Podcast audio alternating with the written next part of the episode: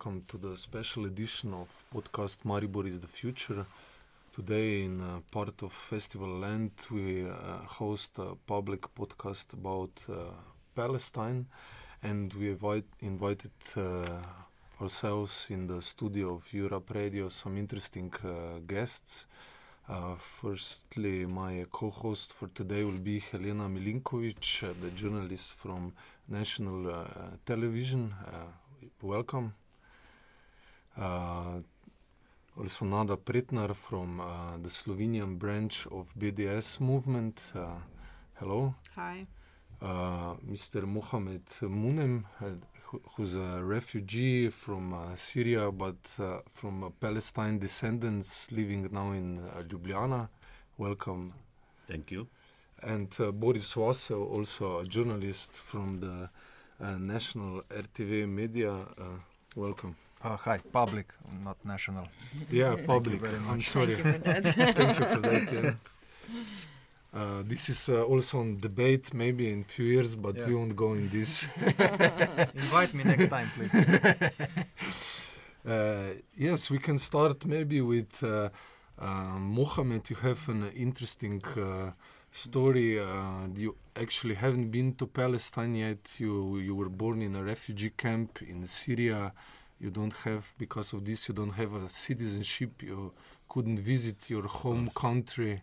Um, can you tell us a little bit uh, your story? Okay, thank you. Uh, first time I am Muhammad Abdul Munaim. Uh, I am refugee here in Slovenia. Before 70 years ago, my family uh, back from Palestine, from Haifa to Syria, refugee, because uh, some militia before making the government Israel, some militia kill more people in uh, my country in Palestine, and uh, everybody go outside Palestine to uh, Lebanon and another people to Syria. My family living in Syria. My father and mother in this time uh, is each like seven or nine years. I am also born in uh, camps to refugee in Aleppo. Uh, nobody have uh, citizenship to now. And uh, after the war in Syria, I am coming to here to Slovenia. Also, I am here refugee in Slovenia.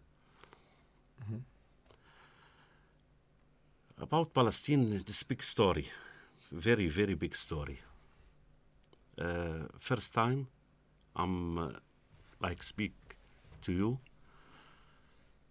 when uh, my grandfather and mother living in Haifa, everybody living with him, Jewish, Christian, Islam, and without any religion.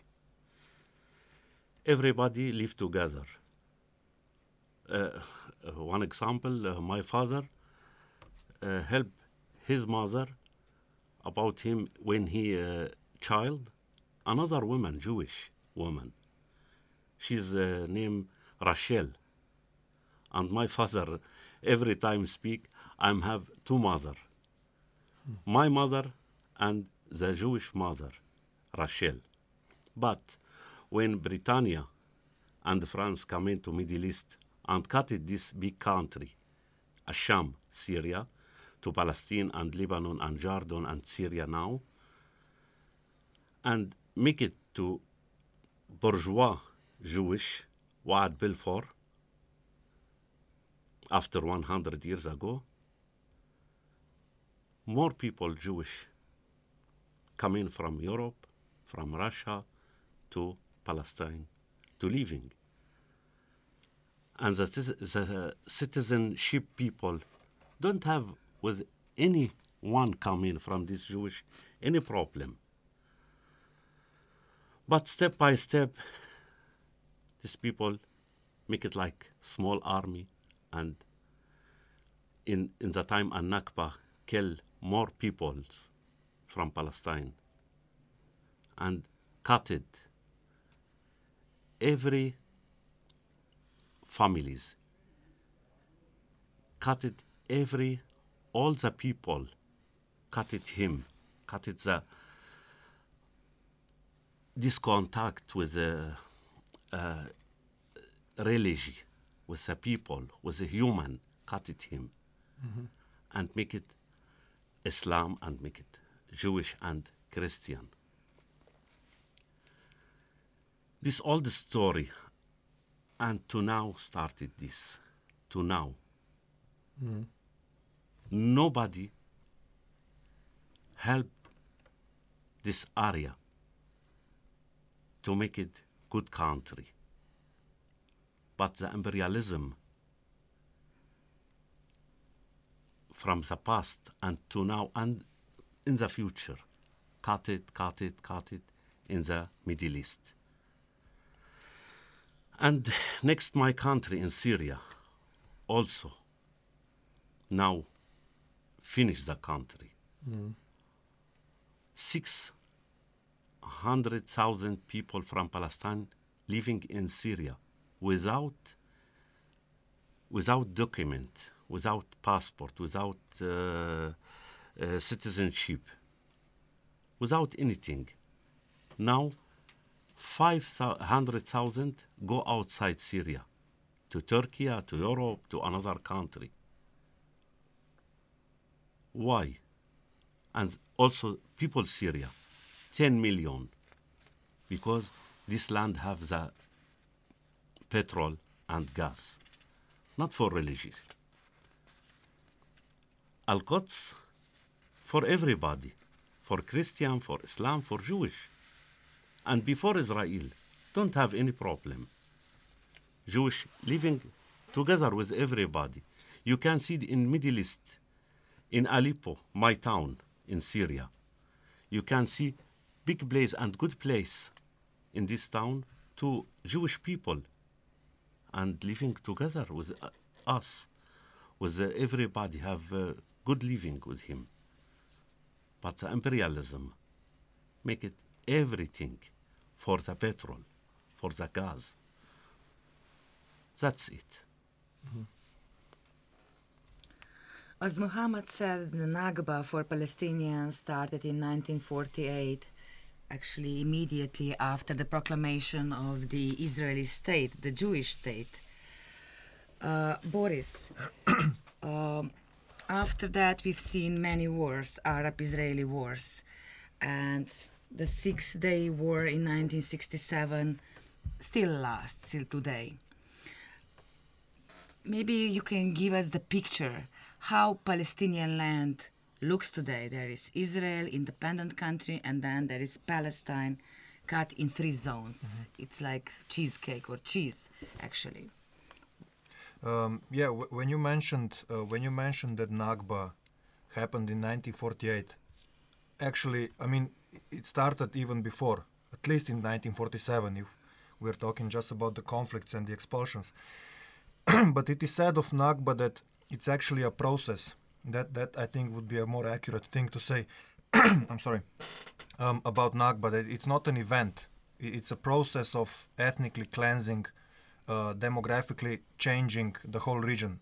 Um, so uh, yeah, uh, the whole of uh, historic Palestine, as as it was the British colony, um, Palestine now is just a fragmented piece of the land that it used to be.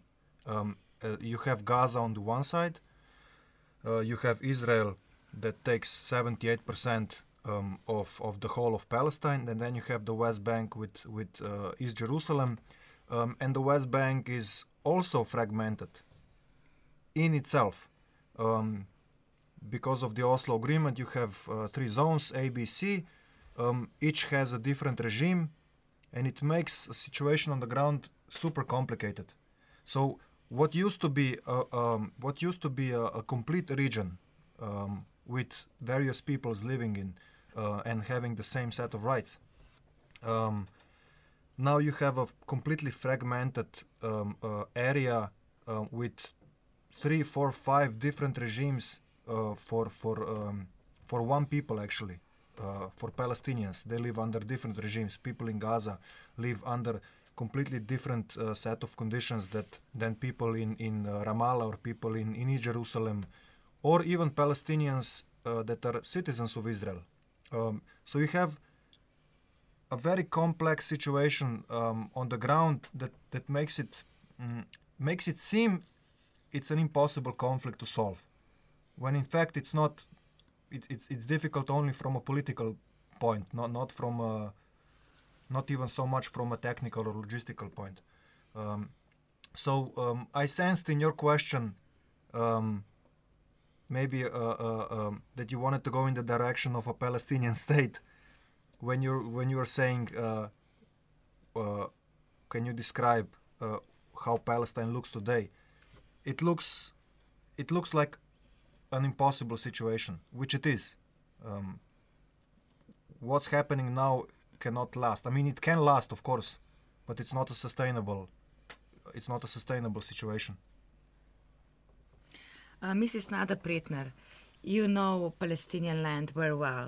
You're an activist and also member of the movement of BDS. Let's talk about BDS a bit later. But because many people cannot imagine what it means to move around the Palestinian land, we have zone A, B, C. Uh, what I wanted from Boris to say, the zone C, it's under the uh, it's under Israeli military authority when you come to the zone EA, you see these uh, big signs. It's danger for Israeli citizens. Entry is forbidden. So, can you uh, maybe describe for the uh, listeners so they can imagine what it means to travel around? You are actually forbidden to enter Palestine.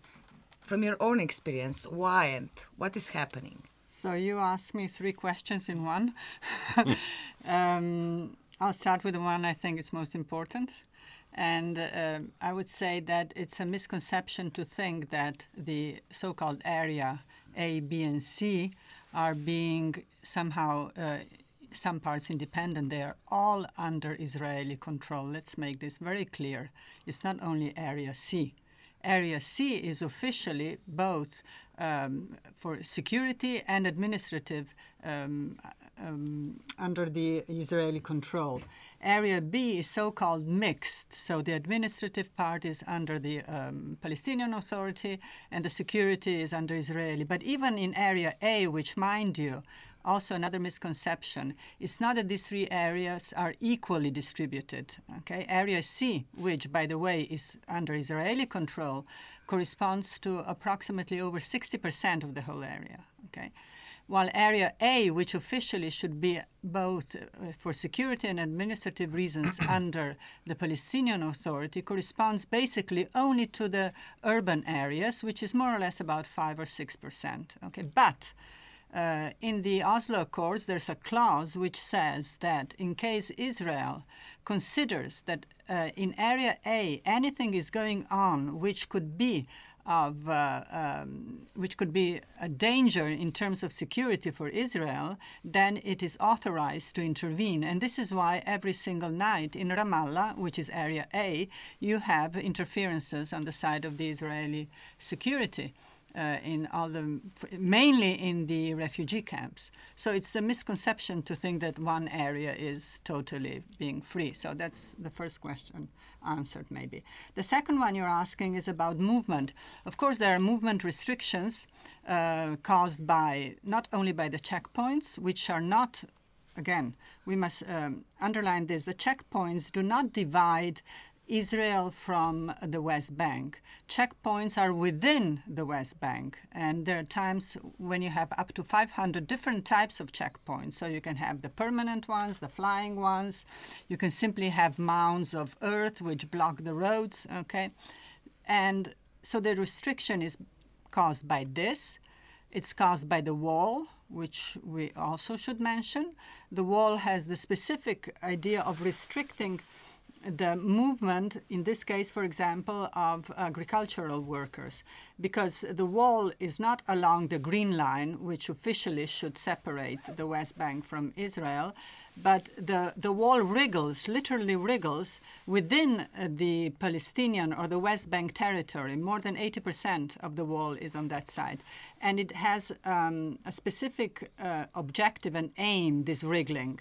Uh, it's meant to uh, enclose on the Israeli side all those parts which are agriculturally more fertile or which uh, lie on uh, uh, water resources. So there is a plan in this. Okay. But what that means physically on the ground is that you can have a Palestinian village which is completely cut off. The, the land, the agricultural land, is cut off by the wall, which means there are restrictions of movement. So this movement can I'm talking about agricultural workers in this point. Um, this can occur, but again, uh, you are being locked into a system of permissions. So you can get a permission to move into your field, but only if you have an official permission to do that.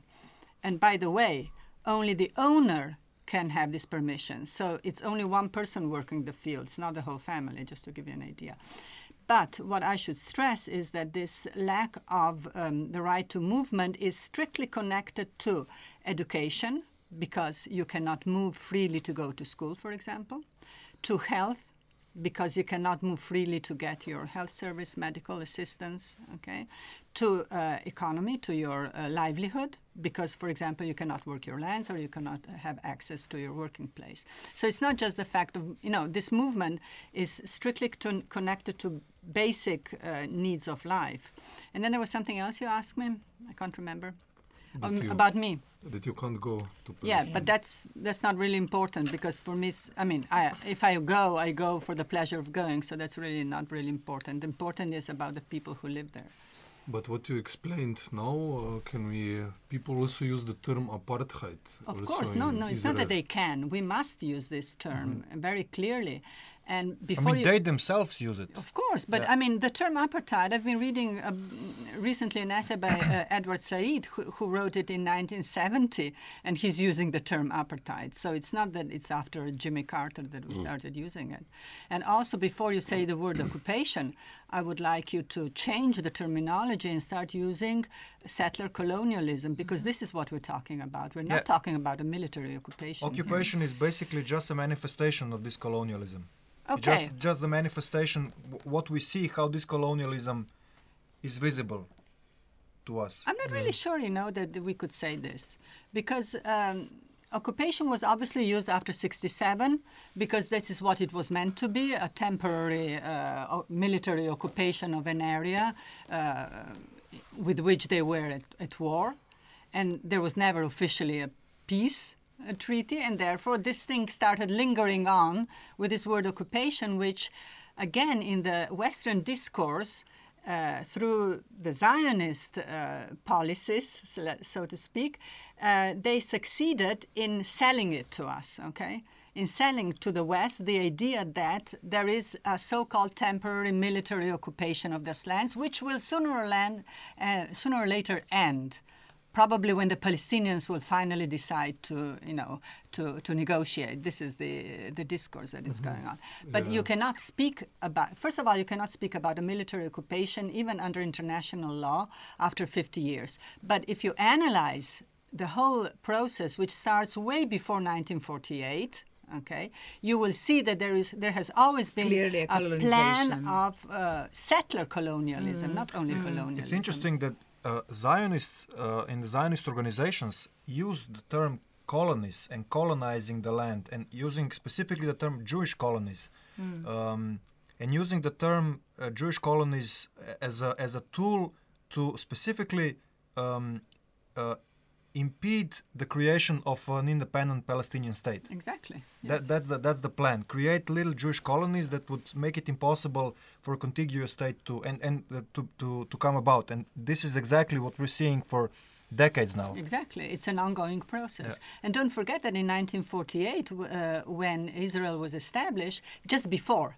uh, the Jewish uh, community owned only about 6 or 7% of the land. And at that point, the partition plan gave to this community which had a very low percentage of land, okay, they gave him more than 50% of what was the original Palestine. I th- yeah, I, I think there were like uh, 30% of the inhabitants were Jewish by that time. Yes, true. And they, they rose very quickly. I mean, it was very. They, they The came. they- immigration yeah, was it was very intense, the, the immigration. But I think, if I'm not mistaken, they, they got like. Um, according to this partition plan, which was never enforced actually, uh, they were supposed to get around 55% of the land. Exactly. But the purpose of this was also uh, to calculate the coming uh, um, Jewish immigrants in the coming years and decades. So they they were supposed to get a bit more land because they were expecting more more immigrants to come. Yes, you're right in this. But what I wanted to point out is that one of the criticisms which is being moved to the commu- Palestinian community is that in 1948 they made a fatal mistake by not accepting the partition plan, okay? As if they should have, uh, if they had accepted the partition plan at the time, which they didn't, okay, big mistake according to this discourse, then now we wouldn't have a problem because mm-hmm. obviously we would have two states. But how can you, if you you have to contextualize this thing, okay? So think back in like imagine a cake, okay, and one person who only owns six percent of the cake, okay, tells the Gets other 55. Yes, no, not only, but tells the other 96% owner saying, you know what, you have to give me uh, your part and I your give you my part. I mean, part. it's uh, basically impossible for something like that to happen. So this has to be stressed. You have to contextualize these things. Mm-hmm. Uh, well, by the international law, the Jewish settlements are illegal. This was stated in numerous UN resolutions, UN Security Council resolutions, but still we see this going on till the, this day. And the Israeli uh, parliament, the Knesset, is actually planning to legalize this. So, what does this mean? You don't agree totally with um totally deconstruct, uh, getting out of this uh, occupation. I still use the term the occupation because the Palestinians in the West Bank and Gaza are actually under the Israeli military rule. No, the term occupation is uh, is accurate, but it's not um, it's not adequate. I mean, it's not enough. That's what I want to say. It doesn't explain the situation. It, it just explains, in my opinion, um, the, the manifestation, not not the process, not the not the reality, not the intention, and the intention is to colonize. And what's Israel's what Israel's problem now is, and it's been for decades, and they're aware of this, is what to do with the millions of Palestinians that are living in, in, those lands. Obviously, they don't want the Palestinians under their control um, because it creates all sorts of problems. I mean, they don't even want the Palestinians who are citizens of Israel. Uh, let's not forget the, the They don't recognize them. They say they're only Arabs, not Palestinians. this is another point which is uh, which is also important. But uh, Israel's uh, Minister for Public Security in 2004, Gideon Ezra, um, one of one of many quotes from Israeli politicians that um, that make it very clear what Israeli position towards its citizens of Arab descent, of, of Palestinian descent is. And he said, um, There are Arab citizens of Israel. This is our greatest sorrow. So, this is how they view the Palestinians who are living inside Israel, who managed to stay even though they were expelled, uh, even though they were killed, their villages destroyed. A few percent of them managed to stay. Um, and they're considered a demographic threat and demographic bomb. These are all the terms that are being used by Israeli politicians. Um, so, what will they do with the millions of Palestinians that are living in the West Bank? Um, how will that? How, how will they get out of this situation? I mean, they can only do it with apartheid, giving one people. le- I mean, rights and the yeah, giving one, uh, in this case, Jewish settlers in, in the West Bank all the rights that they have as Israeli citizens, and give the Palestinian uh, the, the Palestinians who are living in that same area a much smaller amount of rights. Uh, this is the one one way they're handling it, but I mean, I think they're aware that it's not it's not something that they can sustain. It's not only. Can I jump in? Uh, it's uh, not o- one other way is um, a forced transfer. For example, let's take East Jerusalem. in East Jerusalem, in order, it has a special status uh, according to international law. It's corpus separatum, but in, in any case, it's considered part of occupied land. But the point is that Israel gave the Palestinian residents of East Jerusalem something called Jerusalem residency. Okay, so but only for the people of East Jerusalem. Now, these people of East Jerusalem, in order to maintain this uh, residency, which allows them free movement within Israel. So when they travel, for example, if they want, they can travel from Ben Gurion. Okay, they don't have to go to Amman. There are no checkpoints between East No, Jerusalem and no, West Jerusalem. Exactly, yeah. and they can travel freely. Okay, but they have to prove that they actually physically are present in Jerusalem. If they are found to have been absent for a period of more than two or three years, mm-hmm. the state can revoke their residency by which it means that they deport them outside East Jerusalem for the moment into the West Bank. And this is being done systematically. So I don't have figures because I don't have figures, but I know that in from 67 onwards, thousands of uh, these uh, residency permissions have been revoked, which means that thousands of people have been sent out of East Jerusalem. This is one way of uh, handling that part. The other way, uh, in West Bank, uh, is to restrict, as you were saying, restrict the movement. You cannot eliminate them. I'm quoting Ilan Pappé in this case. You can't eliminate them, then you restrict them. Okay? In Gaza, as you can see, the Mm-hmm. You can restriction. eliminate them. Yeah, and the restriction is total. The restriction is total from all sides, and slowly there's an ongoing genocide going on there. In West Bank, there, we cannot speak about a genocide going on there, but the movement is constantly restricted into Area A. So in this way, at least you control them, and in the meantime, you confiscate their land, especially in Area C, for example. basically creating i mean i just want to point this out and we can move on. Uh, what israel is doing is making it impossible for palestinians to live anywhere basically. Yes, um, it makes it makes it very unpleasant for them to live inside israel if you compare it to the jewish uh, citizens of israel um, and it makes it makes it completely impossible to live in gaza uh, according to the un i think in the year 2020 the whole of gaza which is uh, I I have to emphasize this for our listeners. It o- it's only uh, the surf. I mean the mm, uh, Area. the area is uh, only 365 square kilometers, um, and it has two million uh, inhabitants. Slovenia is 23,000 square kilometers, and it has the same amount of of um, inhabitants. Um, so Gaza is completely. Uh, it's going to be uninhabitable by 2020, according to the UN. Um, in the West Bank, the situation is a bit better, but uh, only better. I mean, you can use only this term only if you compare it to Gaza. So it's better only if you compare it to something that is totally unimaginable. Um, but it makes life so difficult um, from all perspectives administrative, uh, economic, military. Um, everything is, is everything is so effed up that they want to uh, uh, they want to, to make they want to make the Palestinians want to move out, want to get out of the West Bank as, in, in as big numbers as, as they can. So th- that's that's the, I mean that's one to make the area unlivable. yeah. And to- we haven't mentioned de-Arabize. demolitions yet. For Yes. example, another system of. Uh, It, I mean, it, the, the system. Uh, when I was talking about uh, this before, that the, the, the situation is complex. It's it's complex precisely because of these various regimes and the various levels of of um, of the repression that the Palestinians are under.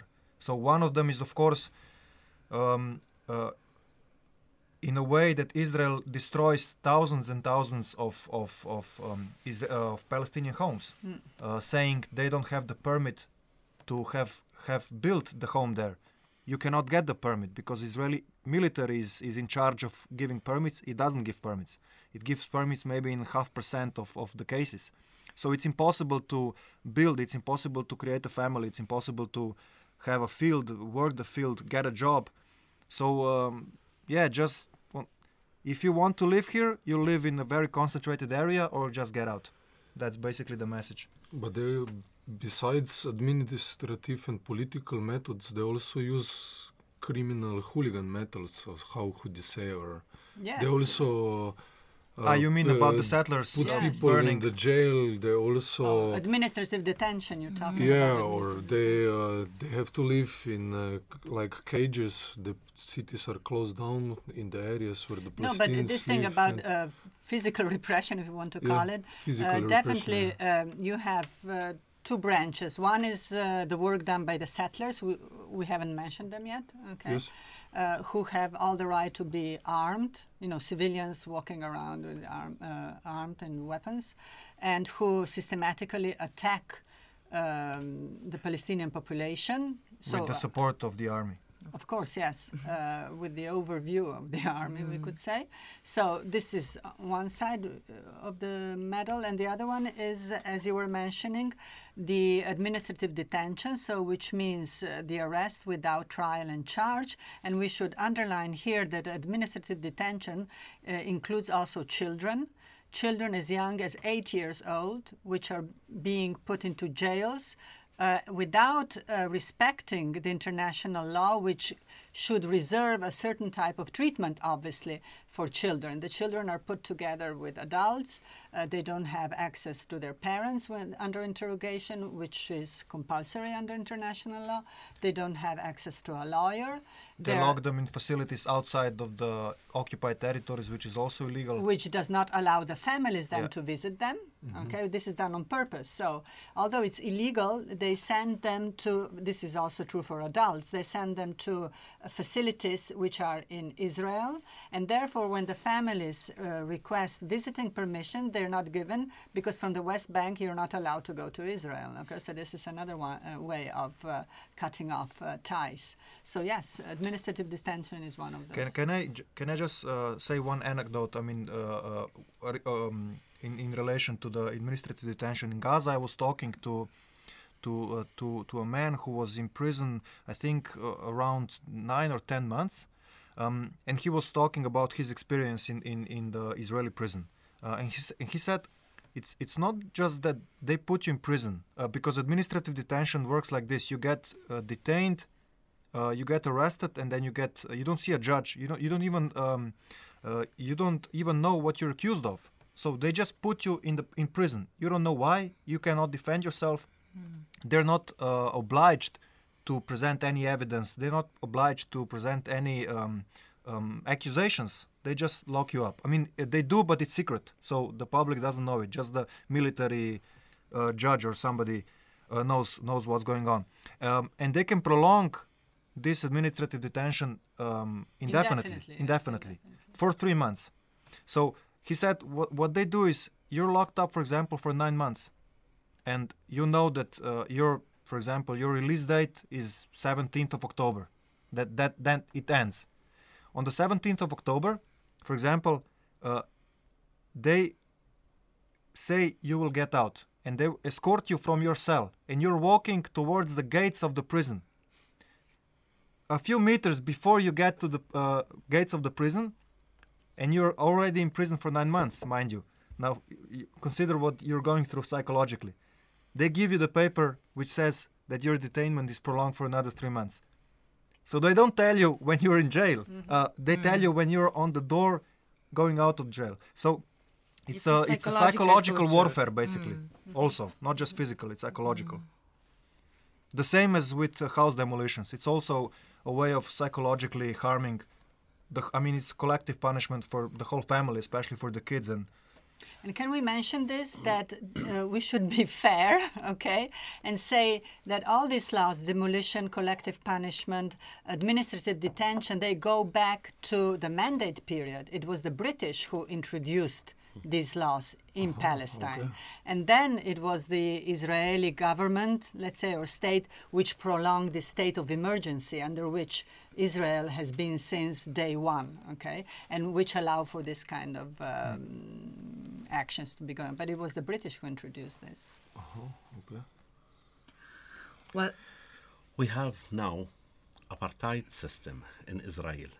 When changing this system to democratic system, you can do think. Now you speak about politic, but I I like speak about traditional people and the culture these people have one culture Jewish, Islamic, and Christian. And when Israel make it like transfer to Arab people living in Palestine, this citizenship people not coming from other country and live in this land. You, you speak about A, B, C, but now I'm have law in United Nations to back to Palestine, two four two. This law, I have this mm-hmm. decision to back to Palestine, to back to my town, to Haifa. What The return of refugee, you mean the Yeah. UN resolution? Yeah. But Israel don't do anything with this law. She, it's don't see this law. Mm-hmm. And if Israel need make it a pure pure country just for Jewish, okay, can she's can do this. And living Jewish in all the earth, 17 million come back living in uh, Israel now? Why not back back to Israel to living? And if you see the street in Tel Aviv and uh, Haifa, what say the people? Not speaking uh, Hebron, speaking Russian language, more than people. This uh, not country for Russia yeah, you're, you you are Jewish living here. Why not speaking Jewish Hebron? Hebrew. Why? Why not speaking Hebron? Because coming from other country, and they feeling with other country, but living in this area because yeah have little bit different uh, democracies, different uh, I know, but need living with other, not for. Uh, uh, okay, now Israel very strong country, and America and some countries help him, and in next time, if don't help him, other country, big country, what the people do? Make it arm, make it war with other, and kill everybody. Yeah, what what Muhammad is saying, I think, is basically in the heart of, of things, the Jewish, the so-called Jewish nature of Israel. This is basically what it's all about. Uh, so this is why Israel is emphasizing always that it's a Jewish state. It's a Jewish and a democratic state. You cannot be a Jewish and a democratic state. I mean, it's it's that's an oxymoron. Um, you can be democratic for everybody, or you can Yeah. be, or you can be a state uh, only for Jews. So this is why uh, when you said that Israel doesn't allow Palestinian refugees to come back, even though you have the the right by international law, if you come back to Israel, you change the demographic picture of Israel.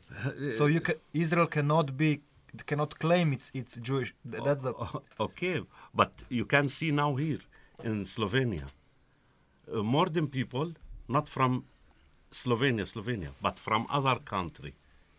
Uh, uh, the pure Slovenian, like s- 500,000, 600,000, pure, pure Slovenian. And other people from other country, but uh, not changing everything, this, everybody, this homeland for him. But that's not the idea of Zionism.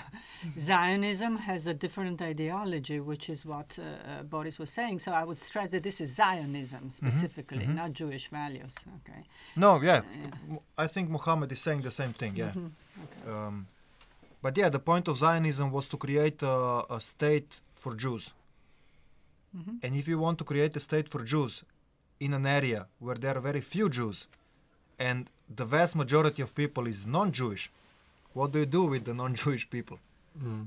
I mean, there is only two ways you kill them or you expel them. Mm-hmm. Y- You don't have a third option. So that's what basically they did.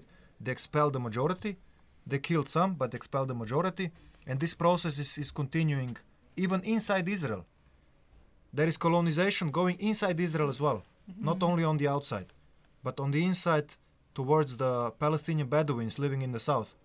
They're living the same fate as the, the as the Palestinians in the occupied territories. Um, and one other thing I think it's it's maybe important to mention. Uh, when we think about Israel and Palestine, we always see two different sides clashing. On the one on the one hand, you have Jews, and on the other, you have uh, you have uh, Palestinians. But um, as I was told various times in Israel, inside Israel, by, by Jewish um, uh, activists and, and, and professors and people who, who deal with, with uh, what's going on inside Israel, they said various times if there were no conflict with the Arabs, there would have been a, a civil war between the Jews themselves inside Israel. Um, because the Jewish society in Israel is very much stratified. Um, you have Ashkenazi Jews, you have Mizrahi Jews, you have Ethiopian Jews, um, And Russian Sephardim. Jews, And And then- Muhammad said. Sephardim. And then you have you have the Arabs, and now you have the African refugees, which are completely on the bottom.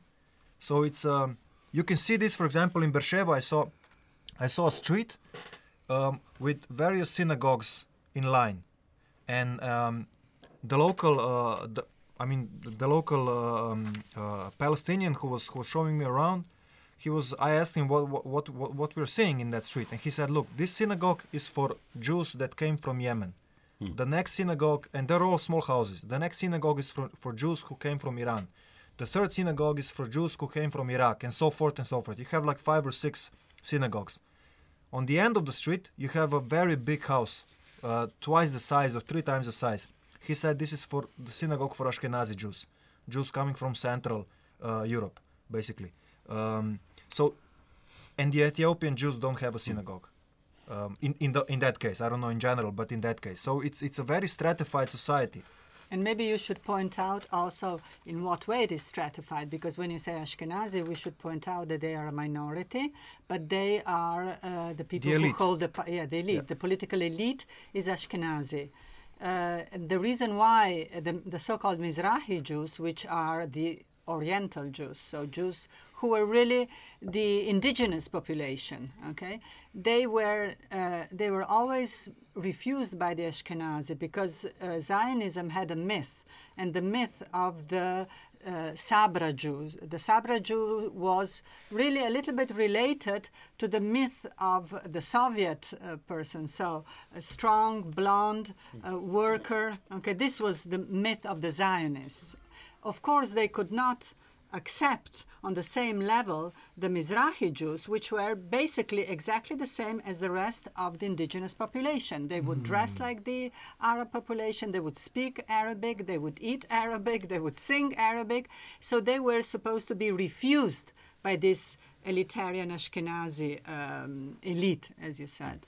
And this is exactly what happened. This is why most of this population, of the Mizrahi Jews, were put in the so called. Um, uh, the neighboring or the um, do you remember the the out the Beersheba, for example, is one of those cities. Those cities which were not in the center. They, ha- they, they have a specific name which doesn't come to mind now, but they were those cities which were built, towns more than cities, which were built along the border. So their function really was to be like um, buffer a buffer zone, okay, for for the Arab population which was living in the other states. Okay? So they were basically pop- populated there, not in Tel Aviv, so to speak. Mm. And so the stratification goes, and then within the Mizrahi, as you were saying, with the Eritreans, I think, mm. on the bottom, and now the, the refugees.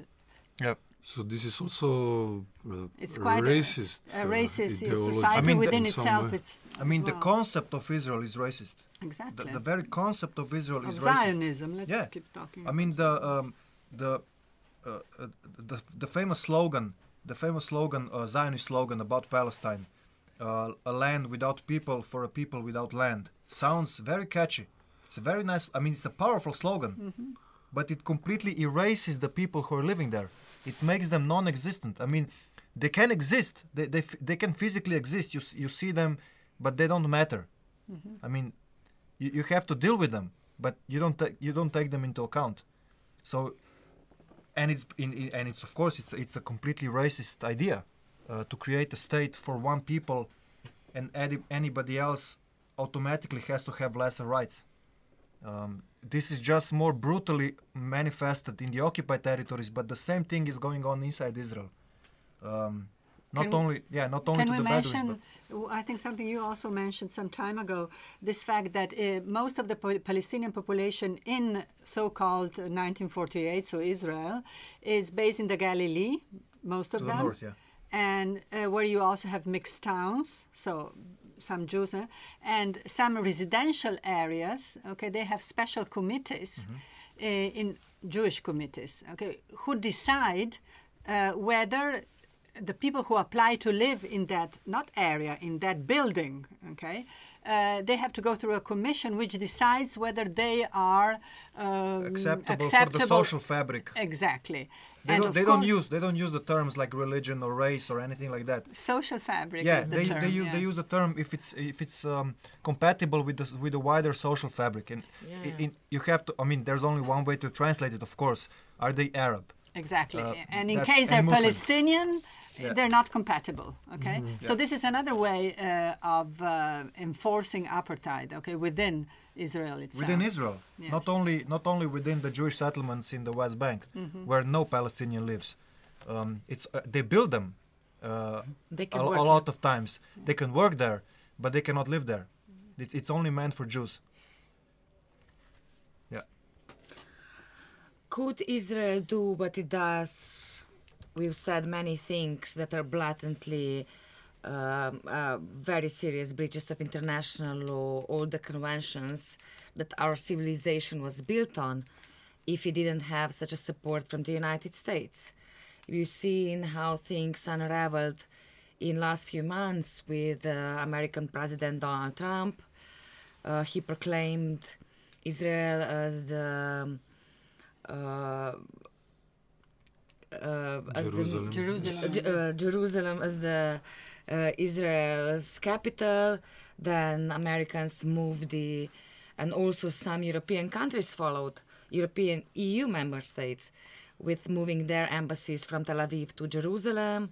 Then the latest step was United States stepping out of the UN Commission for Human Rights because they said it has too many prejudices towards Israel. But what it does, it's just reiterating the breaches of international law. And what kind of role should play the European Union, which is silent at the moment? Maybe nada. Okay. From Uh, perspective also from the BDS, could this be a tool? Wait, I wouldn't mix the EU policy with BDS. Although I must say, I There No, must say- if say, EU fails, what? no, what no. then? Yeah. By the way, okay, there has been uh, a statement by the EU, uh, Mogherini, uh, in which they uh, confirmed that the boycott. We're not talking about boycotting Israel, but the boycott uh, is being uh, confirmed as a legal and lawful way of uh, express of freedom of expression. So, by EU standards, boycott is not illegal. This is important. Now, of course, it. The next sentence said that the EU does not support a boycott of Israel, but not that boycotting is an illegal thing, because there's a big discussion on this thing, on the legality or illegality of boycotting. A mm. discussion, of course, started by the Zionists. Okay. This is an. Abs- I, I mean, yeah. Uh, This debate is of, cour- of course completely absurd. of course. Is yeah. it is it legal not to buy something from someone? Yes. I mean, it's it's it's it's so absurd that I mean, it's it's the mildest way of of resisting. It's the mildest way, the most civilized way. There is no there is no nicer, more elegant way of to to abstaining resist. from Yes, doing yeah. something, exactly. Um, just leave me out. I don't want want anything to do with it. I mean, you cannot even do that now. So, but it's um, I forgot the concrete name, but Israel, uh, as much as it talks about uh, uh, BDS and boycotting Israel and Israel's performers and and and so forth, being um, illegal, being something to delegitimize Israel, uh, being a tool for uh, spreading anti-Semitism and so forth. Um, Israel itself is doing it. Israel itself is is, is sometimes boycotting Israeli performers. Uh, last time, I think in Cannes, a movie was was shown by. Um, there was a presentation of a movie by uh, by an Israeli director. Unfortunately, I forgot the name, but it was very, Foxtrot. very recent. Yes, Foxtrot. yes, which is critical towards Yes, Israeli policies. And Israeli uh, Minister of Culture, uh, Miri Regev, I think uh, she's, uh, which by the way, a couple of years ago compared African refugees literally to cancer uh, in Israel, the term she used. Um, she called for a boycott of this movie. So they're basically. I mean, it's a very funny. I mean, it, it's not funny, but it's it should be funny. It should be material for stand-up co- comedians. You know uh, what's going on. So on the one ha- on the one hand, uh, you say boycotting Israel is completely unacceptable, and the next day you're boycotting Israel from Israel by Israel. So it's a it, it, it, it, it just goes to show that that basically uh, on, on this level of politics where it, things are totally disingenuous, you can you can basically I mean words have no worth.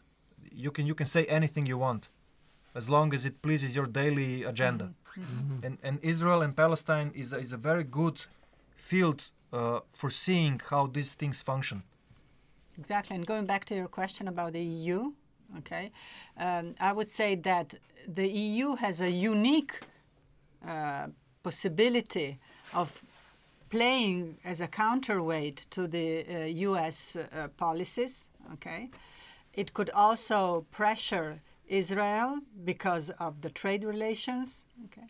But this is not being done. Not only, I think, because uh, the because Europe has this special relationship with the, the American policy. I would say for also for something else. And with this, I would agree with Jeff Halper, who was at least the one that I first heard making this analysis. That the reason why Israel gets away with it, so to speak, is because Israel has something that everybody needs and not everybody has, regardless whether it's China, the US, uh, Europe. And that is the surveillance technology for uh, civil population.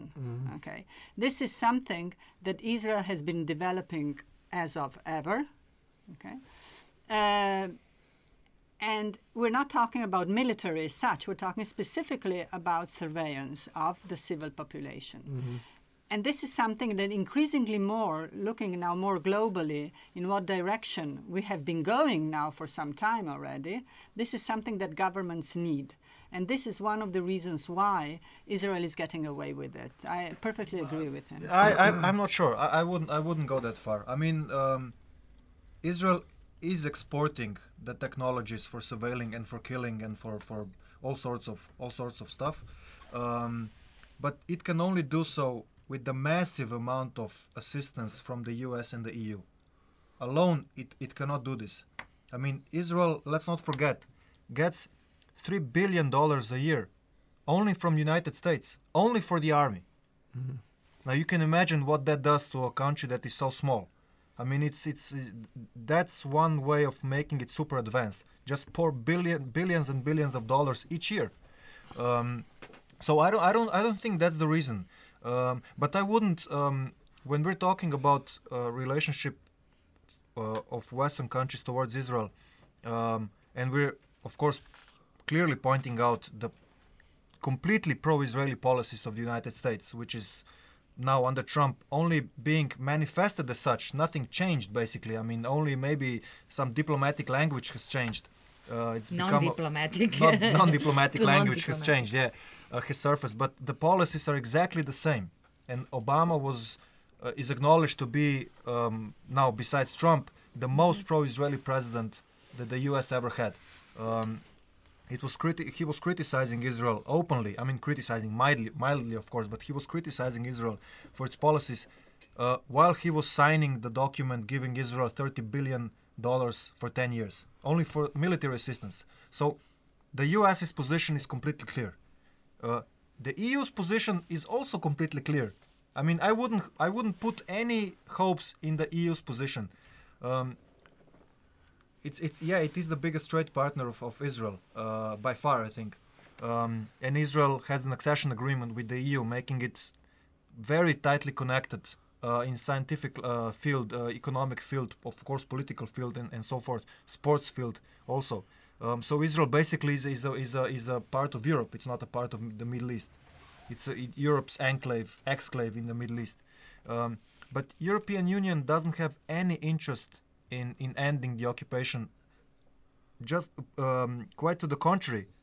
Uh, with all the help that it's help, um, I hope the the audience can hear how uneasy it was for me to to pronounce this word because it's not help actually. The Uh, assistance, the, you mean? the, the, the, the donations that the EU is giving uh, to the Palestinians, it's the biggest donor of aid for the Palestinians. It's nothing more than uh, than uh, prolonging the conflict. It's buying the conflict basically. What they're doing is buying the conflict instead of Israel, covering all the costs Israel has should have according to international law with occupying uh, the territory of, of uh, Palestinians, uh, covering the costs of um, um, how do you say uh, ma- humanitarian crisis. all, uh, all infrastructure, schooling, uh, um, health, Policing. health, everything should be covered by the occupying power. Uh, and Israel covers nothing. I- the EU pays for everything. The EU and the US and all sorts of other countries, but mainly EU and the US. So they're paying for Israel. They don't have any interest. And EU is so fragmented. On one hand, you have Ireland, for example, and on the other, you have a much bigger Germany, which is the superpower of European Union, which is completely pro-Israeli mm. for for known historical reasons. But I mean, it's it's it's it, Yeah, it, that it, was it, my will be question. impossible. Yeah, to What role does the historical uh, reasons play? Europe has a history of uh, Expelling, expelling Jews. Jews, let's be clear. uh, committing Holocaust in Germany. What does this mean in EU policies? Is Europe uh, is trying to make up for this with supporting Israel? Is this also a thing? maybe yeah maybe Nada can can. s- I, I don't think it's I don't I think it's used as an as an excuse, not from from the EU perspective. I don't think it's. I don't think supporting Israel is sincerely. Uh, I don't think EU is supporting Israel because it wants to redeem itself. Maybe on maybe on a third level, but uh, I think more importantly is how to have no, it's, it's it's it's a difficult question. I don't think this is the I don't think this is the main reason. Um, I think it's much more geopolitical, and, and the, the question of anti-Semitism and the Holocaust is only used as a facade. Can I? S- Sorry. But we shouldn't disregard no, this question. No, I just wanted to go back to something else, uh, to what you um, to your disagreement with me before. I want I don't want to delve into this, but uh, I just wanted to repeat that I wasn't talking about the military. I was talking about the surveillance Yeah. of the civil population, and which is another uh, sector, Yeah. let's say. And um, Israel in this is very privileged because don't forget that uh, its IT uh, sector, the, the private civilian IT sector, is strictly a consequence of the military. Sure. S- That all the there is a um compulsory uh, s- what do you call it military service, which means that all the society, everybody, men and women, go through uh, uh, the service, the military service, where many of them are being taught to become IT uh, programmers, and then they move into the uh, you see into the civil uh, arena, and this is one of the things that makes it more competitive as opposed to other um, societies or countries, for example. And I'm saying this because uh, I would actually like to point out that there's a very, very good analysis of this. It's uh, 70 pages, but it's worth reading by Neve Gordon. Um, who is an Israeli um, intellectual um, and academic as well, um, about in which he explains exactly uh, this uh, this area here of why uh, Israel is being so competitive. And this uh, report goes back to 2009, so it's pretty old, but still very, very uh, up to the point. So I, I think that's still. I still. Yeah. No, I was just I was just Stick to my point. I, I was just disagreeing in in in, in the in in I, is I- if I understood it correctly, in that this uh, ad, uh, advancement of, of Israeli technology is one of the reasons that Europe needs Israel. I, I, I just don't see it, but Ah, okay, yeah. okay, it's a matter Look, of opinion. let's I agree with Nada because today, what in Israel they say, uh, the other groups they heard the social fabric. Now in East Europe, we hear we don't want Muslim res- refugees because this is social engineering of our societies. Islamization. We are putting up the fences which are totally perfected in Israel. when we uh, in not in Israel but in the occupied territories. So there we see fence, fence, border, uh, checkpoint, wall, this, protesters. that. I've seen different kinds um, of walls with cameras, surveillance, this and that. You don't see that, notice it the first time, but when you ride there for the, a week, it's yeah, you know where you are. And we haven't And this is what we are immigrants. adopting today, yeah? Yeah, exactly. So it's very similar. But now, Israel and Palestine is a very small laboratory yes, for all kinds of, of, of exclusionary politics that can. But take uh, place. I think it's an important question. What, why now USA changing area, uh, uh, the ambassador USA from Tel Aviv to Jerusalem? Why now? This is the important uh, question. Not because Israel, uh, Israel, before 70 years ago, and the capital city Tel Aviv. Why now Trump changing and some other country? This is an important question. Not what, uh, uh, why your, uh, European United uh, not get any decision about this. And what do you think? I don't know to now. Maybe in the future, I know this and everybody, but this important. maybe It's one of the interesting- reasons is that there is no division between West and East Jerusalem anymore, because Israel finished all the roads and the settlements around it. So it's one town. It's not separated anymore as it was. Just two years ago, when I was there with uh, Israeli group, when they showed us, okay, this is finishing now, so there is no border anymore. I don't know. Trump didn't tell But us it, it why. was it was it's a similar situation that, as it was under Bush and Obama. Similar, um, but it's it's interesting what Trump how Trump um, explained his decision. I mean his the decision of the administration to move the embassy and to recognize Jerusalem as Israel's capital. He said one of the one of the uh, uh, key points for the negotiations was the question of Jerusalem. Okay, we put that off the table. So now we can move on. Yeah. I mean, it's it's Yes, yes. like this um, kindergarten politics.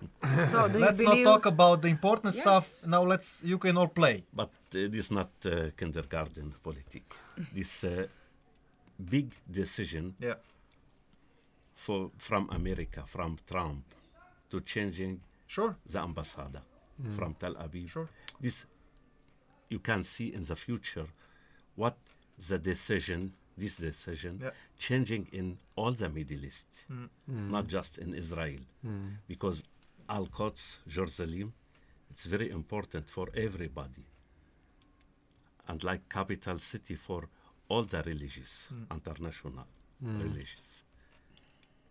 But can I ask you something? I- I I agree with you, but did you notice the reaction of the Arab world? I'm talking about governments. The non-reaction. The non-reaction. no, uh, I mean, we, you just finished saying it's so important for the Arab world, but there is no reaction. So there's also a reason why there is no reaction. but, the Arab world exists on at least two levels. Yes, the, definitely upper Yeah. and lower. Yeah, The exactly. street and the palace. yes, exactly. exactly. And the Palestinian question was always a playing ball for the Arab world. There was no real support. How do you feel about that? We see now there is Look, um, people- agreement in the making between Jordan and Saudi Arabia. Yeah. So maybe next question, very important, that will be off the table after Jerusalem. It will be the question of the return of If s- Palestinian refugees. Yeah, uh, if you see the Arab in Middle East, you have two movie. One movie for governments and other movie for people. Because no democracies. This government not from these peoples. In the, in the street, everybody uh, have another uh, decision for everyone but the countries and the government this uh, now nothing uh, dictators uh, all the governments in, in middle east and have contacts with With the West. with the US. yeah, yeah. You. he cannot uh, uh, get any decision And maybe can can we also? I, uh, I'm interested in your opinion about the arguments also of the Israeli side. They basically turn it down on like uh, terrorism, anti-Semitism, and Islamization. This is the main arguments we could say that they are afraid, like a small entity surrounded by Islam states, that they have a historical, um, how could you say, historical right to be settled there. Is there any salt, grain of salt in this, or is this just politics? Well, They call it hasbara. In other words, a, a- form of propaganda.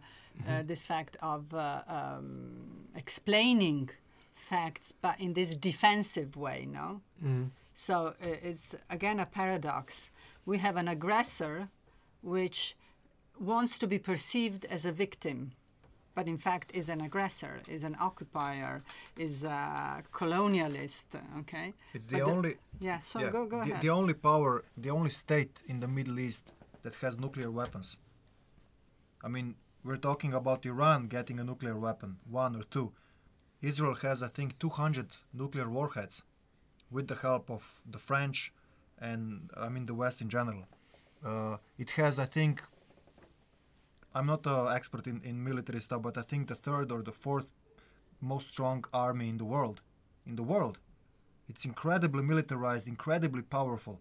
It's um, and it's also one of the I think it's called the the the, the strategy or the of the Iron Fist, uh, which is um, which the Zionists uh, used to explain how Israel should conduct itself and what Israel's position militarily should be in relation to its Arab neighbors. It has to be so powerful that it can crush all the neighbors at once, and it, it has several times. And it's clear that nobody can challenge Israel, not even close, not even Egypt, which is the biggest Arab country. Yeah, the policy was meant as a deterrent. Yeah. If they see you so strong that they can feel Yeah. that you they will be crushed, they don't even try. Okay, it's Yeah. like a deterrent. So um, it, it's a it's a it's a giant with the face of a baby. I mean, it's a giant that wants to put a mask of a baby, of an innocent, innocent baby. Um, Goliath. but but um, I, I wouldn't enter in those in those comparisons. But um, I think we have other uh, more recent ones. Uh, all the people killed in Gaza in the last few weeks. I think that's the, all, all the comparison we need. On the one hand, literally, on the one hand, you have you have teenagers uh, throwing stones from the distance of uh, 100 meters towards heavily armed uh, border guards with uh, snipers, with tanks, with jeeps. With I mean, you have an army that responds to th- stones with F-16s. That's all the comparison you need. Or snipers. Let's talk about snipers. Yeah, because this was deliberately. Let's talk about what happened actually in Gaza. Actually, it started with the so so-called um, well, well, it started as a Nakba, uh, as a commemoration day of Nakba after the establishment of Israeli state, because most of the people who are actually settled in Gaza are actually Palestinian refugees. or their descendants. Yeah. Yes, who have no right to return to their homes or their parents' home. Actually, as somebody said before, it's the biggest prison in the world. The conditions there are unlivable. And then we have the repressive Hamas government at the same time. But what happened was that peaceful protests started. More than 2,000 people have been dead, injured, and they were deliberately um, targeted by Israeli snipers, and the targets were journalists, medical personnel, etc. But we don't even have an investigation or any UN resolution. Because we have total impunity for Israel. But didn't we get a resolution who Yes, condemned this? yes. The UN, uh, the United Nations uh, Human Rights Council, voted a set um, a resolution for an urgent inquiry, uh, and after it voted on it and it has been passed, Put nothing has drawer. been nothing has been heard They, about they it. put it in the drawer. Yes, and this time talking about uh, numbers, I do have some numbers for Gaza, and it's actually uh, from the 30th of March, Land Day, when the first protests started. 131 have been killed, but more than 14,000 have been wounded. Okay, this is important because these people who have been wounded, many of them have been wounded with the so-called butterfly bullets. Okay, which are, of course, flesh. which are illegal by international law, but are being used. And what they do is that once they enter your limbs, and they have been by snipers targeted specifically legs or arms, okay, um, they tear apart your bones and your tissue. Okay. Now, the problem is that Gaza, the medical facilities cannot cope with this kind of uh, surgical or uh, interventions, let's say, uh, surgery. And therefore, most of the times there are amputations. That, that is the only thing. Now, what is creating this is uh, scores of people in their 20s, okay, so in their most productive years, which are being basically put aside and marginated in a society which cannot cope with this anyway. Okay, so it's not a Western society which has facilities for these people. And of these ones, um, I have here some uh, figures like more than 6,000 uh, of these 14,000 were treated in medical points and more than 7,000 in hospitals. But of this, more than 2,500 were children. So again, children are also being, it's not only young men, let's say, it's many, many of these are children. And more than 500 have been injured by this uh, live bullets, by the snipers. So And, and you ask yourself, and, and, and now the, the the society at large asks asks itself, how can this be? How can so many people get butchered in plain sight? So every the whole world sees it. Live. Yeah, it The was whole world sees broadcasted it. live. yeah, This is the Um, absurdity. and it, it can only be done. It can only be done if you dehumanize the person that you shoot, or or dehumanize the person that you're watching being shot. That's the only way. If you would see, if we would see Palestinians as people, as people with the same rights as we do, um, it would have serious consequences, and the consequences are, or they don't exist, or it's a slap on the wrist in in, in like a diplomatic uh, phrase at the bottom of some document. So I would say that this, uh, you correctly pointed out, this uh, process of dehumanization of the for the for the Israelis of the so-called enemy. But uh, what is for me worrying is that this dehumanization has spread over. Okay, so if before it was really only part of the Israeli society. Now it's overlapping and it's coming over to our side as well. This is why uh, we here in Europe haven't really, uh, I don't know, flooded our streets in protests, for example. seems like, normal. Like we even normal, did yeah. in 2014 in Gaza, if you remember. There were how many, and this time there is nothing. So it obviously means that it's qu- quite infectious, this way of uh, No, dehumanizing. We've completely dehumanizing. internalized Yes, the, exactly. the, the, the power relations. For us, it's completely normal that Israel is brutalizing the Palestinians. By definition, Palestinians are vi- violent and are guilty. By definition, they're guilty by being there. Um, so that's why you have these absurd calls uh, made by Western countries um, for peace and reconciliation or restraint, restraint on both, Both sides. sides. Uh, I mean, how can you restrain an F-16? how can you restrain it? You don't. You sell it more weapons. You sell it more guns, more bombs. I suggest we slowly wrap it up. We're over Maybe we, hour. sta- uh, we try, try to finish with Muhammad. Yeah. We have heard now, because the talk was about dehumanization, it's part of your family his- history, but still, we are watching it at the same time in Syria today. There is war being going on for eight years, live. People, children being massacred, all sorts of weapons or executions or inhumane weapons, if we call it as starvation, everything. How do you see this? And what do you expect from the world or us Europeans? Maybe not you gave up on politics, but maybe we as people can do something. I cannot see I am living. this is my life, uh, all my life uh, refugee, and my life, my family, and uh, my life people, Palestinian, in Syria, in Lebanon, in Jordan. uh, oh, what I speak about this, I am born in camps. and uh, these camps not like camps now, now in Europe for refugee. These uh, very bad camps without uh, without roof. The room without roof, uh, iron roof.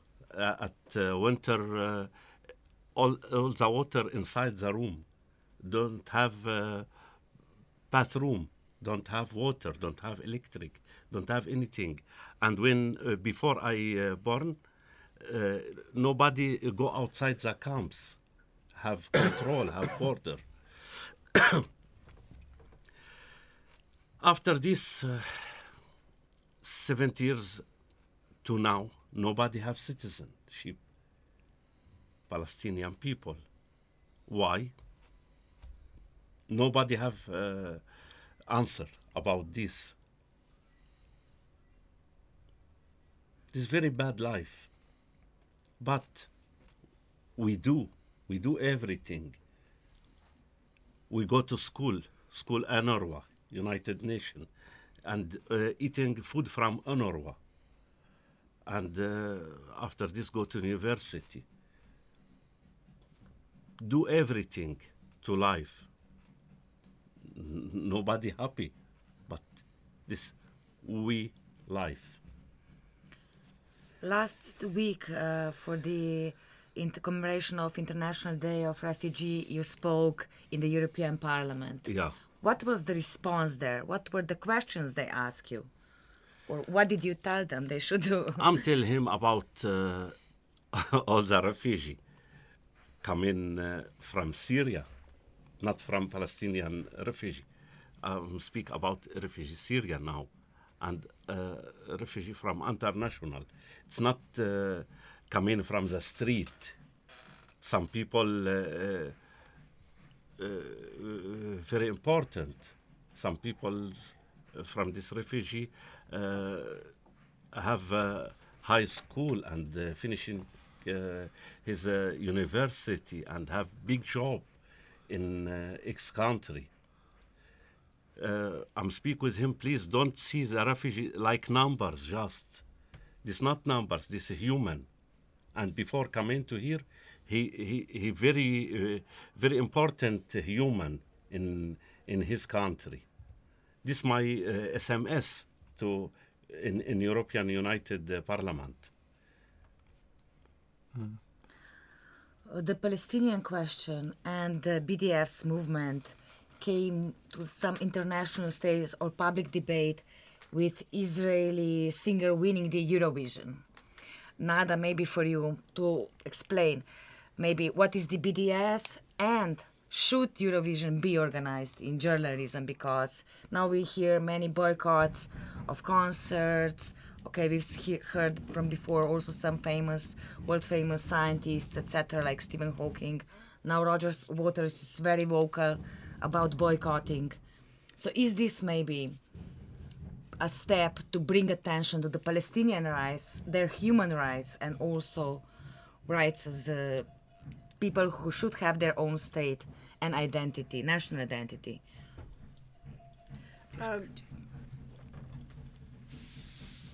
I don't want to make this thing too long because we are at the end of the thing. So, uh, so I'll give a very simple answer.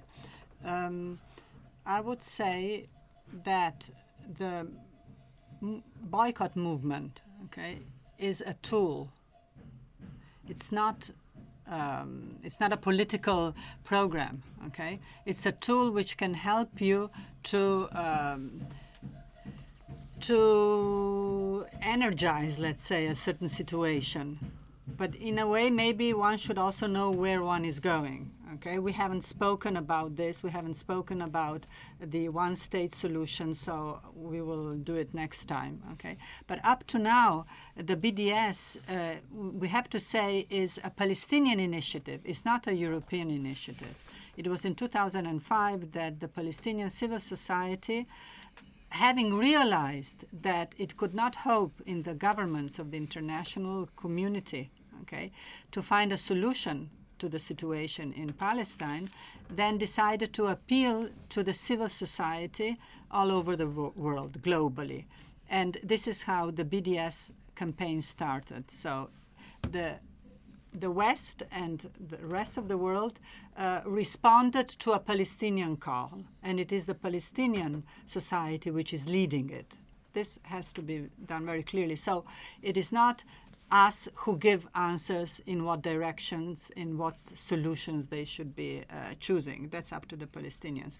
What we can do is use the BDS to pressure our governments. This is important, okay? So the idea is that the BDS in each single um, country pressures its government to, in turn, pressure the Israeli state to abide by international law. Okay, which means if Israel decided to abide by international law, it would, for example, recognize the right of return that Mohammed was uh, mentioning before. It would give equal rights to all its citizens. Okay, it would uh, withdraw from the occupied territories. So this is what the BDS basically wants to do: pressure the governments to pressure Israel, and not only our governments, also the U- European Union that you were mentioning before. But uh, as I say, it's a tool which is being very successful, by the way. And it's not after uh, Netta won the mm-hmm. Eurovision. This started, if you really want to start it, when it began to go public, it was, if you remember, Boris, with Scarlett Johansson and the mm-hmm. SodaStream mm-hmm. affair. Yeah. Okay, this is when it went public, and since then, of course, Israel has been reacting and uh, obviously enacting also um, legislation. It has been investing a lot into the anti BDS movement, especially with a certain type of propaganda, which is to, um, to equate okay the bds movement with anti-semitism okay so because it knows that this is something that triggers a certain type of reaction okay so it's it's a propaganda machine that they have. But have they, uh, even in this case, uh, the absurdity of Israeli steps is is uh, so clear that it's amazing. When when uh, um, Natalie Portman, the famous uh, American actor of Jewish of Jewish ha- um, uh, mm, Origin. uh, no, she was born in jerusalem Yeah. yes in fact Um, she, I think, she even has an Israeli citizenship. yes yes Uh, when she refused to go to the ceremony a couple of months ago, uh, when she was awarded, when she was supposed to be awarded with the highest uh, Israeli honor uh, for arts, I think, um, or contribution to the Israeli uh, heritage or something like this. It's a very important uh, uh, um, hon- um, honor and a reward. Uh, she refused with some vague explanation that she cannot be a part of, of what's going on now and she shouldn't be seen as somebody who supports Israeli politics. she didn't something- want to be together with Netanyahu. Netanyahu was a keynote speaker there. yeah and yeah she didn't I, want I, to. I, I don't think she explicitly said she doesn't she said that uh, so uh, this is a form of this could be interpreted as a form of pressure towards israel i mean on an individual level but even she uh, a jewish american with israeli citizenship was called a border anti-semitic person in israel by ministers of israeli government so, I mean, there is no. I mean, obviously, they have devalued the words anti-Semitism to an extreme point, making it completely ridiculous, uh, a ridiculous accusation. Uh, when we know that actual anti-Semitism goes on, um, and it's a big problem, and it's it's something that we should all fight against and, and face and name when we see it. Um, but the the very entity that calls itself the defender of Jews all around the world is devaluating uh, the biggest accusation it has against uh, uh, the people who, who want them excluded and killed and, and expelled and so forth. So it's an absurd, absurd situation. Um, yeah. I just, I just wanted to talk about Natalie Portman, basically. Ah, okay, you like her. And maybe just the last question to conclude. We are in Slovenia, we are all Slovenians. Even Mohammed is becoming Slovenian. Uh, we, Slovenia actually acted in a diplomatic step, we could say, okay, after the killings in Gaza and called the ambassador for the talks. Uh, we've seen also Israel protesting, but we've seen also Israeli ambassador visiting Slovenian parliament, while uh, the MPs were in the process of recognizing Palestinian statehood and sovereignty. In the process of deciding how not to recognize Palestine, sorry. Yeah. So, what kind of steps should Slovenia, as a small state established on the international law, uh, take unconditionally towards the Palestine and Palestinian question? Um, when we're talking about violations of international law uh, from a Slovenian perspective, we look at Israel and we say Israel is violating international law, it has to stop violating international law. While Slovenia, by not doing anything, is violating international law. Under Geneva Convention, it is obliged to uh, do all it can to enforce re- uh, respect of international law of uh, by the violators and it does and it does exactly the opposite. Uh, it it it uh, the ties with Israel are becoming stronger on the scientific level, on trade level, on political level also. Uh, even though we we, we should not be fooled by empty political rhetoric and statements. It has no value. It has no no merit in this debate. Um, Slovenia is uh, playing uh, on one hand, it, it, it's playing a constructive role that helps some Palestinians. For example, I'm talking about the rehabilitation program that's going on, or I don't know if it's going on today, but it was going on for quite some time in Socha, in, in Ljubljana, in the rehabilitation center, where uh, tens and tens of, uh, altogether, probably hundreds of Palestinians, uh, young kids, came. Uh, it was paid also by Slovenia and by Qatar um, and other, and other uh, donors they came to Slovenia and they got the pro- prosthetic arms, legs. They were treated. They were here for a month, maybe. They were taught how to use uh, these tools, and then they were sent back. Who who uh, who made them invalids? Who made them kids with no legs? Israel. With what weapons? With the weapons, I'm thinking. Uh, I'm talking a bit m- uh, more abstract here. With the weapons sold to Israel by Slovenia Also, yeah. also. Slovenia sold for I, I don't know the exact number, but it it's it's in. I mean, relatively, it's a small amount of weapons being sold to Israel. It gets, uh, I mean, quadruple billion times more from from the states. That that's sure. But on a symbolic level, Slovenia is also arming or w- was arming. Now it's it's this is dying down, but was arming Israel at the same time as it was helping the kids being being uh, uh, uh, made amputees by Israel, and it's a perverse. It's it's so hypocritical, so perverse. You have to give credit uh, for helping the kids, but that doesn't that, that that must not fool us in believing that Slovenia is a is an is a, is a country that is playing a positive role here. It's playing a very negative role, not as negative as the powerful states, but a very negative role. Uh, this process of recognizing or not rec- as I was joking before, the process of deciding how not to recognize Palestine, is just has just made it clear that it's um, it's basically a non-issue in Slovenia. Uh, it, it, it, it's an issue being forced by the brutality that we see on the television sets, but it's not a political issue um, in general. Uh, personally, I don't know how to stand on the question of recognizing Palestine. That has to be a different debate. But even even the, the, the, the smallest symbolic act, Slovenia wasn't capable of making. And recognizing Palestine should, um, if it's uh, if it's any time in the future uh, uh, being uh, taken, this step, it should be only the first step of many. It cannot be the last step. If that's the last step, I think that will be even worse for the Palestinians. I think, I, and I'm talking as a non, not as a Palestinian, so it's a privilege to be detached from this. I, I'm sure that a lot of Palestinians have a different view, but uh, like cold-heartedly speaking, I think it's it's worse for the Palestinians if you give them the illusion of having a state and then not dealing with this question any any longer. Okay, we recognize you now. You deal with Israel yourself. We'll keep selling weapons to. How is Slovenia, for example, going to recognize Palestine and selling weapons to the state with which it is occupying Palestine?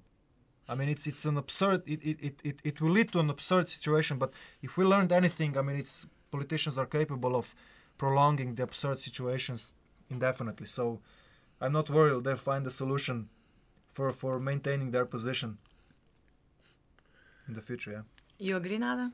Uh, this time I agree 90%, yes.